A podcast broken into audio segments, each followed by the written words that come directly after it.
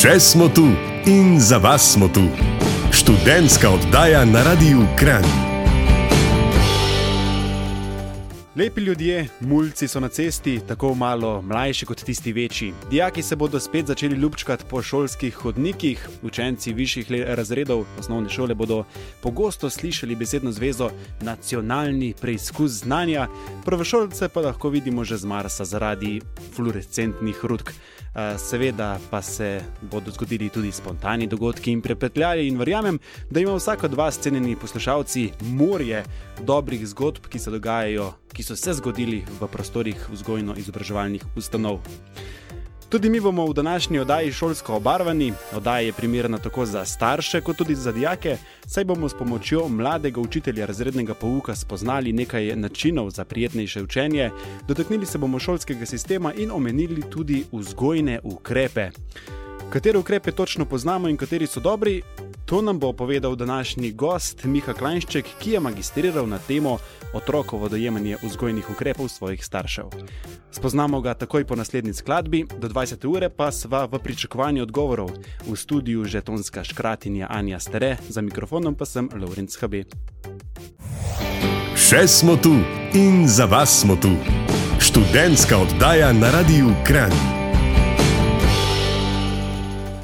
Dober večer, lepi ljudje. Danes je z nami magistr profesor razrednega pouka Miha Klajnšček. Miha, živja. Pozdravljen. Si učitelj razrednega pouka in ne učiteljica. Zakaj si se odločil za poklic učitelja? E, najbolj zato, ker je vse stranski, zato ker res zahteva ne samo znanje, ampak celo osebnost od tebe. To je življenje, to je poslanstvo, to ni samo služba, poklic, ampak res um, vsega se moraš dati noter in to mi predstavlja tak uh, svoj vrsten izziv, uh, katerega se z veseljem lotim vsak dan zapored. Uh -huh. Ja, živimo v času, ne, ko, uh, v bistvu, ko bi radi vsi imeli 8-urne delovnike in delali od 8 pa do 4 ali pa od 7 pa do 3, a ne, in kar je več, uh, nam ni dobro, ne, ampak učitelj je pa ravno obratno. Učitelj je ravno obratno. Ja. Uh, predvsem, kar uh, drugi pozabljajo, ali pa kar se ne vidi, je to delo na sebi. Zato, ker v šoli tudi vzgajamo, ne, šolsk, vz- vzgojno-izobraževalni sistem in vzgajamo tudi svoje osebnosti. Se pravi, s tem, ko delam jaz na svoji osebnosti, delam hkrati za službo, za poklic učitelja, tako da praktično 24 ur na dan. Učitelj v bistvu ne more stagnirati. Ne, ne mogoče, oziroma samo slab učitelj stagnira. Uh -huh. Kako pa uh, družba sprejema učitelja in ne učiteljico? Kakšne so tvoje izkušnje? Aha, fantastične. Aha. Samo ne vem, ali to je zaradi mojega znanja in osebnosti ali zaradi, samo zaradi tega, ker sem pač moški. Uh, absolutno je drugače. Že, če drugače ne zato, ker nas je toliko manj. Se je pa zgodila letos ena taka zelo nenavadna situacija in sicer učil sem v prvem razredu. In zadnjo polovico šolskega leta sva učila ne samo en učitelj, ampak še celo dva učitelja v istem razredu. To pa je bilo uh, nenavadno, ne? Učenci so imeli dva očka. Ja, si učitelj v osnovni šoli Bežigrad, uh, je bilo težko najti službo, si mogoče imel prednost, ker si fant. Uh, ja, priznam, da prednost sem imel. Um, težko ali ne težko, srečo sem imel. Jaz bi rekel, da sem imel srečo, zato ker se, so se stvari ravno tako poklopile, da sem na hitro dobil eno leto delovnih izkušenj in takoj, ko imaš delovne izkušnje, si bistveno lažje zaposlil, kjerkoli, ne samo v šolstvu. Uh -huh. uh, kakšna pa so bila sprva tvoje pričakovanja do službe in kakšna je bila potem realnost? Ha, uh, pričakovanja so bila tista, kot se vsak odloči za učiteljski poklic. Torej, prišel bom v razred, otroci me bodo poslušali, jaz bom učil z veseljem lepe snovi, zanimive snovi, in potem bomo vsi odšli domov z nasmeški. Uh, realnost je pa kar hitro padla. Ja, da, um, sploh, ko sem učil četrti razred, prvo leto. Um, Blazne težave z motivacijo, s prihajanjem v šolo, z sledenjem pouka. Tako da je, je hitro postalo tisto pravo učiteljsko delo, to je v bistvu sledenje otrokom, njihovim željam, njihovim interesom in potem praktično njihovo vodenje proti na, naslednjemu letu, proti naslednji starosti. Proti koncu šolskega leta, proti koncu osnovnošolskega izobraževanja, in potem tudi, kako jim pripraviti eno čim boljšo popotnico za naprej, za celo življenje. Uh -huh.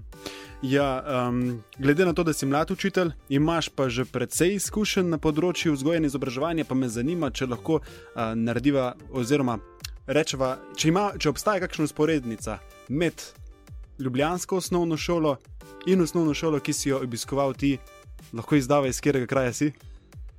Uh, prihajam iz Tolmina. Iz Tolmina. A je, Ja. a, a je razlika? Seveda je razlika. Kakšna? Uh, v navadah otrok. Namreč uh, tudi prvo leto sem učil na osnovni šoli Stična in to je bilo predvsej, predvsej tako kmečko okolje. Tam smo se pogovarjali o kolinah, pogovarjali smo se o ljudskih običajih, o praznovanju božiča, kako zaklad žival. Zdaj tu v Ljubljani pa je uh, čisto druga zgodba. Ne? Otroci se pogovarjajo o parkih, o dogodivščinah na Toboganu, na neverjetni barki, ki, zgradili, ki, ki jo je zgradila mestna občina. Um, in tudi vedenja se potem se spremenijo. Medtem ko me, uh, vaški otroci vseeno še težijo k uh, doživljanju prostega časa zunaj, uh, nabiranju izkušnje, izkušenj zunaj, mestni otroci vse pogosteje zahajajo um, k pametnim telefonom, k igricam preko spleta. Um, tako da tudi tu se. Tako pogovor in izkušnje vedenja se razlikuje. Mm -hmm. Ja, vem, da ne moremo vse otroke metati v isti koš. A pravijo, da so ljubljanski otroci razvajeni, uh, nimajo občutka odgovornosti do stvari, so nemirni. Uh, kakšne pa so tvoje izkušnje? Uh, nikakor ne takšne. No. Uh, Rekl bi, da so predvsem izpostavljeni drugim, uh, drugim stresorjem, drugim težavam. Medtem ko se recimo uh, vaški otroci skrbijo predvsem na to, kako bodo odreagirali njihovi starši, so ljubljanski otroci pod velikim pritiskom, kje se lahko varno igrajo, kje se sploh lahko igrajo. Tako da ta brezskrbnost je zelo um, pod pritiskom teh meščanskih otrok, ne, ki je recimo vaški ne poznajo. Eh, Po drugi strani pa so ljubljanski otroci, oziroma meščanski otroci, v povprečju bolje materialno preskrbljeni, um, v primerjavi z uh, vaškimi. Tako da malo se je razlika v domišljiji, ampak kar se pa razvajenosti tiče, pa popolnoma nič. -hmm. Zanimivo. Ja, magistriral si na temo otrokovo dojemanje vzgojnih ukrepov svojih staršev.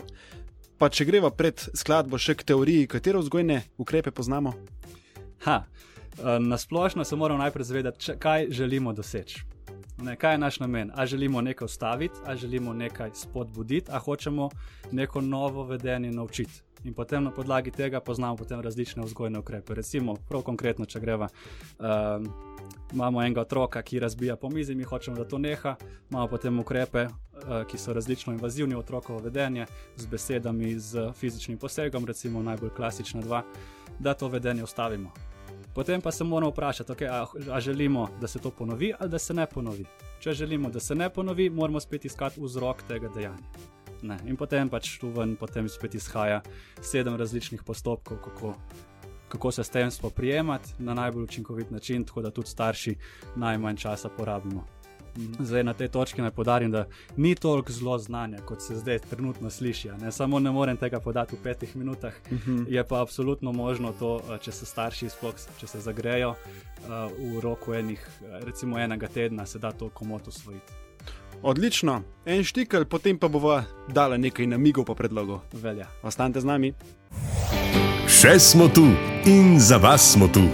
Študentska oddaja na Radiu Kran. Lep pozdrav, lepi ljudje. Lorenz Habe vam delam družbo, z mano pa je magistr, profesor razrednega pouka, po domači učitelj Miha Klajnšček. Miha, prej sva že omenjala vzgojne ukrepe, iz katerih si magistriral. Kako si se lotil raziskovanja otrokovega dojemanja vzgojnih ukrepov njihovih staršev? No, najprej naj povem, da do sedaj, če beremo ene vzgojne priročnike, da gremo recimo v knjižnico, pa si sposodimo en vzgojni priročnik. Uh -huh. V njem bomo brali predvsem to, kaj naj starši vzgojitelji naredijo, da bojo otroke dobro vzgojili. ne. Noben pa nam ne pove, da je v bistvu otrok tisti, ki se spremenja. Se pravi, otrok bo tisti, ki bo zamenjal vedenje, otrok bo tisti, ki se bo tekom vzgoje spremenil. Se pravi, ni toliko pomembno, kaj vzgojitelj naredi, pomembno je, kako otrok to doživi. Se pravi, če jaz rečem, recimo, um, vsi poznamo verbalno kaznovanje. Ne? Recimo, to pač nekdo pride do tebe, pa ti pove, to pa ni v redu, mogoče kaj zakriči, mogoče kaj zakovne. Um, če bi to vse prevedli v eno tuji jezik, ki ga otrok ne razume, naprimer francoščino, to ne bi popolnoma nič delovalo. Ne? Čeprav bi bil te, teoretično čisto korektno izveden. Vzgojni ukrep. Se pravi, važno je, kaj otrok sliši, kaj otrok vidi in kako on to sprocesira. Uh, potem iz tega naprej sem pa enostavno vprašal otroke. Kako doživljajo svoje starše, seveda usmerjeno, ne z usmerjenimi vprašanji, kako doživljajo svoje starše, kaj lažje vpliva na njihovo vedenje in kaj težje vpliva na njihovo vedenje. In z tega smo dobili uh, nekaj zelo zanimivih uh, informacij, predvsem glede uh, načinov kaznovanja in nagrajevanja, kjer se je izkazalo, da je dejansko otrok tisti, se pravi, kar otroka onesrečuje, mu predstavlja kazen, in kar otroka osrečuje, mu predstavlja nagrado. V bistvu sliši se precej enostavno, ampak kako pa si recimo ti dojel, kateri ukrepi so za otroka v redu, kateri ne? Ali so mogli starši kaznovati nekega otroka, da se je potem analiziralo, kako uh, je praktično? Uh, vse je potekalo na podlagi preteklih izkušenj otrok. Se pravi, Aha. jaz sem stopil do otroka in ga vprašal, hej, a, te- a te je oči ali pa mami v zadnjem času kaj kaznovala ali ne. Ponavadi je bil odgovor ja. seveda. In potem sem vprašal, aha, no, kako pa te je kaznoval? ja. In potem so bili odgovori, eh, predvsem te, ki jih poznamo iz vzgojnih priročnikov. Je se je pogovoril z mano, je kričal na me, me je poslal v sobo, da, se, da malo premislim svoje dejanje. Eh, Bil sem nekaj časa brez računalnika, brez telefona. In potem sem jih vprašal, v redu, um, kako učinkovita se ti je pa zdela ta kazen, oziroma ko- koliko je zdaj verjetno, da na podlagi tega ne boš več ponovil vedenja. In potem so rekli, ja, pri telih malo bolj, pri telih malo manj. Pač odvisno od posameznega otroka, koliko mu posamezna stvar pomeni. ja, so otroci sposobni samo refleksije? Absolutno. Absolutno, omejeni so zgolj svojo časovno predstavo, to se pravi, koliko časa nazaj se spominjajo dogodke, koliko časa za njih je relevantno. Ne? Zdaj, tu, če pomislimo na enega prvošolca, šest let starega, je to približno en teden nazaj. To je za njih tista realnost, v kateri živijo, en teden nazaj, en teden naprej. Um, malo starejši otroci, recimo jaz sem spraševal najmlajše 10 let, oni se spominjajo tam približno 14 dni nazaj, pa 14 dni naprej. Zanimivo. In uh, do kakšnih rezultatov si prišel? Kaj je tiste, ali je mogoče vsak otrok tukaj individuum ali lahko pač povemo neko splošno načelo? Uh, vsak otrok je individuum, uh, glede na njihove izkušnje. Glede na njihove izkušnje, ki jih imajo, se potem zgradi ta njihova percepcija, kaj je dobro, kaj je slabo, kaj jih osrečuje in kaj jih onesrečuje. Ne? In potem na podlagi tega imamo bolj učinkovite, pa manj učinkovite kazni. Ampak, recimo, zdaj je prišla tu taka zelo lepa posplošitev, ki jo lahko tudi danes vsi starši uporabijo. Ne? Tisto, kar otroku veliko pomeni, torej tistega, kar ima načeloma malo, tisto mu bo največ pomenilo. Torej, če mu vzamemo tisto, bo to najhujša kazen. In zdaj, kaj se je tudi danes zanimivega, um, zanimivega pokazalo. Ne? Uh, večina staršev, ko pomisli na kazen, reče: Ok, otroku bomo nekaj vzeli.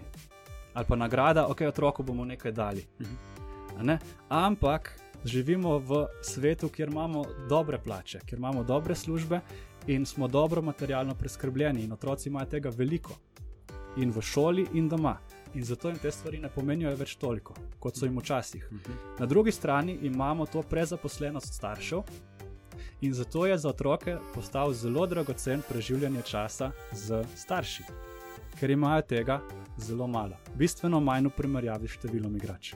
In zato je recimo velika nagrada, to se je izkazalo pač zaradi um, delovanja družbe, ne, se je izkazalo, da preživljanje časa otroka in starša skupaj je največja nagrada, ki jo lahko starši podarimo svojim otrokom. Pa ni važno, za kakšno dejavnost gre. Tu so otroci odgovarjali, naprimer, skupni izleti, uh, skupen odhod v gostilno ali pa restauracijo, pa tudi bolj preprosti, naprimer, skupno kuhanje. Skupno delanje palačink, naprimer, prav konkretno, ali pa skupna igra, 10 minut pogovora. Take enostavne stvari, ki nas ne stanejo nič, razen našega dragocenega časa.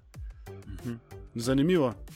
Uh, si si predstavljal, da boš prišel do takih rezultatov? Nisem, nisem. Tako da z veseljem to delim, upam, da bo komorkoli prišlo prav, um, da bo vzgoja lažja, da, bo, da bomo imeli več časa iz tega. Ja. Ja, slišali ste, cenjeni poslušalci, uh, danes so šli naši najmlajši, pa tudi tisti starejši, prvič spet v, novo, uh, v nov razred. In kako jih nagraditi? Tako, da jih odpeljete na kakšen izlet, ko bodo seveda dovolj pridni za to, ko si bodo po tvoje, po, po vaše zaslužili. Kdaj, še to vprašanje, potem gremo pa spet na en štikal. Uh, kdaj, pa, o, kdaj si otrok zasluži nagrado? Hmm. Uh, to je pa vse odvisno od interesa staršev. Mhm. Torej, najprej si moramo kot starši zastaviti vprašanje, kaj želimo pri otroku doseči. In jaz zelo poudarjam, da ne nagrajujemo dosežkov. Zaradi tega, ker potem bo otrok stremel k dosežkom in ne bo vedel, kako jih doseči. Ampak nagrajujemo vedenje. Torej, ne nagrajujemo petk ali pa štirk ali pa katerih koli ocen, nagrajujemo učenje za to oceno. Če se je otrok učil dve uri na dan, dajmo ga nagraditi. Zato, ker to bo potem ustvarilo navade, motivacijo in potem bojo prišli tudi dosežki. Niti ne tako težko. Slišali ste, zapomnite si, zapišite si na list, gremo na inštikar. Ostanite z nami. Še smo tu in za vas smo tu. Študentska oddaja na Radiu Kran.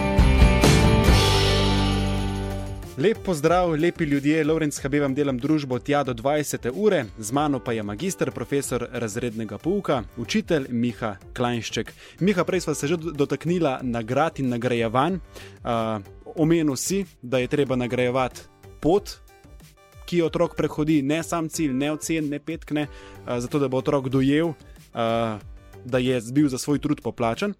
Uh, ampak otroci se po drugi strani pa ne obnašajo vedno tako, kot bi si starši želeli. Res sem zdaj povedal nekaj novega. Ne?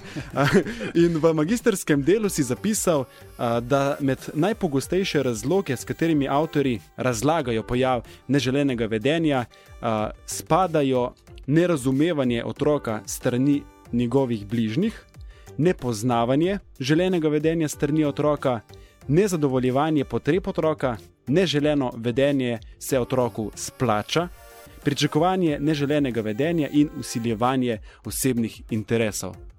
Sliši se učeno, če greva k praksi, otrok bi mogel pomiti posodo za sabo, pa jo ne. Ja. Kako rešiti to zagato? Okay, torej, Torej, najprej se moramo vprašati, ali otrok želeno vedenje, torej pomivanje posode, sploh zna opraviti. Mogoče se to nam odraslim zdi smešno, zaradi tega, ker to delamo že um, 10 ali pa 20 let, ampak otrok vseeno, dokler ne pride v stik z nečim, z določenim vedenjem, ga ne bo znal opravljati, ker ga nima s kje znati opravljati. Najprej se ga mora naučiti. Če ugotovimo, da otrok to vedenje že zna, torej že zna pomiti posodo, se moramo vprašati, ali so njegove potrebe zadovoljene. Se pravi, ali je sit, ali je da ni žejen, ali je spočit. Zato, ker recimo, če jaz tebe pošljem ob desetih zvečer po službi pomivati posodo, se boš tudi verjetno kaj utrmil, pa kaj rekel mm, nazaj. Uh, potem, če ugotovimo, da so vse, do, uh, vse potrebe ustrezno zadovoljene, uh, se moramo vprašati, ali slišimo otroka, ali ga razumemo, kaj nam hoče povedati. Ker morda se je tisti dan v šoli zgodilo kaj neprijetnega, pa je iskal našo pozornost, nam želel povedati, povedati, povedati in želi izkoristiti majhen, tisti majhen košček pozornosti, ko smo ga poslali pomivati posodo, da se bo zdaj utrmil in s tem pritegnil malo več pozornosti, da nam bo lahko povedal, kaj se z njim dogaja. Torej, ali razumemo otroka, ali ga slišimo. Uh, Če ugotovimo, da ni nič kaj takega, kar bi nam želel povedati, potem se moramo vprašati, ali verjamemo v otrokove sposobnosti. To je zdaj spet tako zelo um, banalno slišati, ampak mm -hmm. zares se vprašajmo, ali verjamemo, da bo otrok uspel pomiti posodo. Ali samo čakamo tam pri mizi, tri metre stran, da bo nekaj zelo potalo in bomo skočili zraven. Kaj si pa zdaj naredil? Mm -hmm. Zaradi tega, ker to bo v otroku zbijalo motivacijo. Tudi on se bo počutil nesposobnega in se bo bal spoprijeti tudi s takim zelo enostavnim uh, uh, opravilom, kot je pomivanje posode. Ja? Če ugotovimo, da je sposoben, da verjamemo v njega, da je sposoben, se moramo vprašati, sicer to ni toliko za tale to ni toliko za ta primer, ampak ali mu slučajno želimo usiliti kakšen naš interes. Mm -hmm. ne, to gre predvsem za kakšne športe. Ja. Recimo, yeah. jaz, jaz sem kot otrok si želel biti uh, umetnik, slikar, pa mm -hmm. me starši niso, pod, niso podpirali, zdaj pa želim za vsak denar, za, za vsako ceno prisiliti, sk skoraj da ne. No, uh, si zelo želim, da bi tudi moj otrok bil slikar. Pa mu mm. kupujem uh, slikarske pripomočke, platna, ne vem koliko denarja porabim mm -hmm. za to, mhm. ampak otrok tega noče. Ali smo opazili, da tega noče? Zdaj pri pomivanju posode, seveda, je hišno pravilo, mora se narediti, to so družinska pravila, družinske meje, torej to odpade. Potem se moramo vprašati, še, ali se neželeno vedenje otroku splača. To je pa tista zadnja točka, kjer pristanemo, če vse te uh, odpravimo. To, ko nam pride v kri, porabimo 3-4 sekunde. Uh, se vprašamo, ali se že- neželeno vedenje otroku splača. Uh, po domače povedano, mi naročimo otroku, da mora pomiti posodo, on uh, začne kričati, začne nemarno brisati posodo, kakšen krožnik morda kdaj razbije, in mi potem rečemo: Nehaj, ker delaš več škode kot koristi, pojdi v svojo sobo. Kaj je otrok s tem dosegel? Da mu ni treba pomiti posode. Otroci so odlični manipulatorji, pa ne za nalašč. Tudi odrasli samo stremimo k temu, da bi najlažje opravili nekaj. Ne? Najlažje za otroka, da pomije posodo, je tako, da se utrmi in če takrat starš poseže vmes, da bo on pomil posodo, poje dosegel svoj cilj.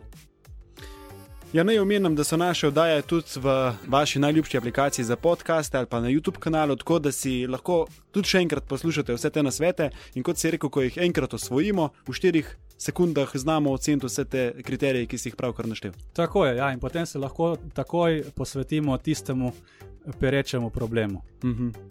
Pa je poleg eh, vsega tega, mogoče tudi poleg pogovora, še kaj takega, kar lahko pripomore k temu, da, bo, da se bo otrok obnašal tako, kot si mi želimo. Absolutno. Mhm. V prvi vrsti je to naš zgled. Zato, ker otrok od nekje mora dobiti informacijo o, naše, o želenem vedenju, oziroma kakršnem koli vedenju. Mhm. Torej, če mi pridemo uh, iz službe utrujeni in se vržemo na kavč pred televizijo, kaj bo otrok z tega prejel?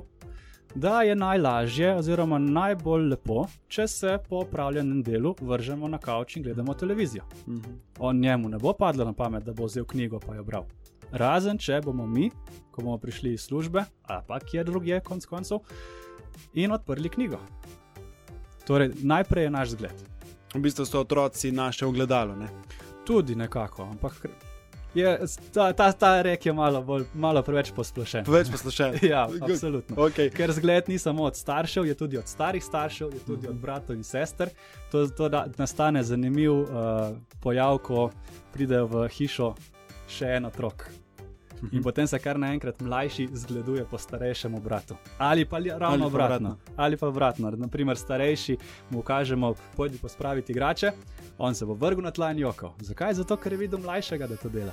In takrat mu ni bilo treba pospraviti igrače. Naprimer. Enostavno je to. E, Enostavno se sliši. Enostavno se sliši. Uh, Miha Klajnšček, učitelj uh, iz osnovne šole Bežigrad, je današnji gost. Zdaj gremo pa na eno lušno skladbo, potem pa se vrneva in omenila bova knjigo z naslovom, 11 stebrov vzgoje. ki bo išla prav k malu. Ostanite z nami. Še smo tu in za vas smo tu. Študentska oddaja na Radiu Kran. Dober večer, lepi ljudje. Lorenz HB sem z vami do 20. ure, z mano pa magister profesor razrednega pouka, učitelj Miha Klajnšček. Eh, Miha, povedala so že nekaj nasvetov in napotkov za eh, starše, tudi za bogo, bodoče starše. Ne? Smo le študentska oddaja in eh, kdaj bodo ljudje delali otroke, če ne v času študija. Hecam se. Uh, uh, Miha, omenil si, da boš uh, izdal strokovno knjigo z naslovom 11 stebrov vzgoje. Uh, tako je, ta knjiga je tik pred tiskom uh, in v njej sem zajel vsa ta uh, teoretična izhodišča, ki sem jih spoznal tekom uh, raziskovanja v okviru magisterske naloge, diplomske naloge in potem še v prvih letih, štud, uh, v prvih letih zaposlitve na podlagi izkušenj, ki sem jih uh, pridobil. Mhm. Ja, kot se reče, je knjiga strokovna. Tako je, ja, omejena bo zgolj za strokovno publiko, torej uh, v prvi vrsti so to profesori na fakultetah. Uh, zakaj? Zato, ker si ne želim ponovitve. Uh, si ne želim ponovitve uh, tega, kar se je zgodilo s permisivno vzgojo. Namreč malo ljudi ve, da ta avtor permisivne vzgoje je izdal knjigo, ki je bila dobro zastavljena na začetku, potem pa so jo v roke dobili um, razno razni manj izobraženi in so izkoristili samo tiste dele, ki so jim bili všeč. tiste dele, ki so jim bili. Um, Ki so jim ustrezali. In na ta način se je potem ta celotna njegova teorija sfižila, popačila, in ne želim, da bi se to zgodilo tudi s to teorijo enajstih vzgojnih uh, stebrov, enajstih vzgojnih elementov. Uh -huh. uh, lahko pa povem na kratko, tako da um, zdaj v teh prihodnjem letu, recimo, pričakujem en tak uh, komentar, povratno informacijo strani te strokovne, izobražene um, publike. Uh -huh. Teorija pa zajema, uh, torej teorija temelji na enajstih elementih vzgoje. To so otrok, avtoriteta, medosebni odnos med otrokom in avtoriteto, učenje vedenja, vzgojni cilji, pravila vedenja, meje dovoljenega vedenja, želeno vedenje, neželeno vedenje, nagrajevanje in kaznovanje. Uh, v knjigi sem prevetril nekako in opredelil vsak element posebej, kaj je njegova naloga, da bi na ta način vse, ki se ukvarjajo z vzgojo, torej ne samo učitelje in vzgojitelje, ampak tudi starše in v prvi vrsti starše, uh -huh. jih opremijo z vsem znanjem, ki ga potrebujejo za vzgajanje. Zato, ker vzgoja ni nek tok proces. Ne? Vsak otrok je individualen, se pravi, mora biti vsaka vzgoja individualna, ne more pa biti, če starši nimajo ustreznega znanja.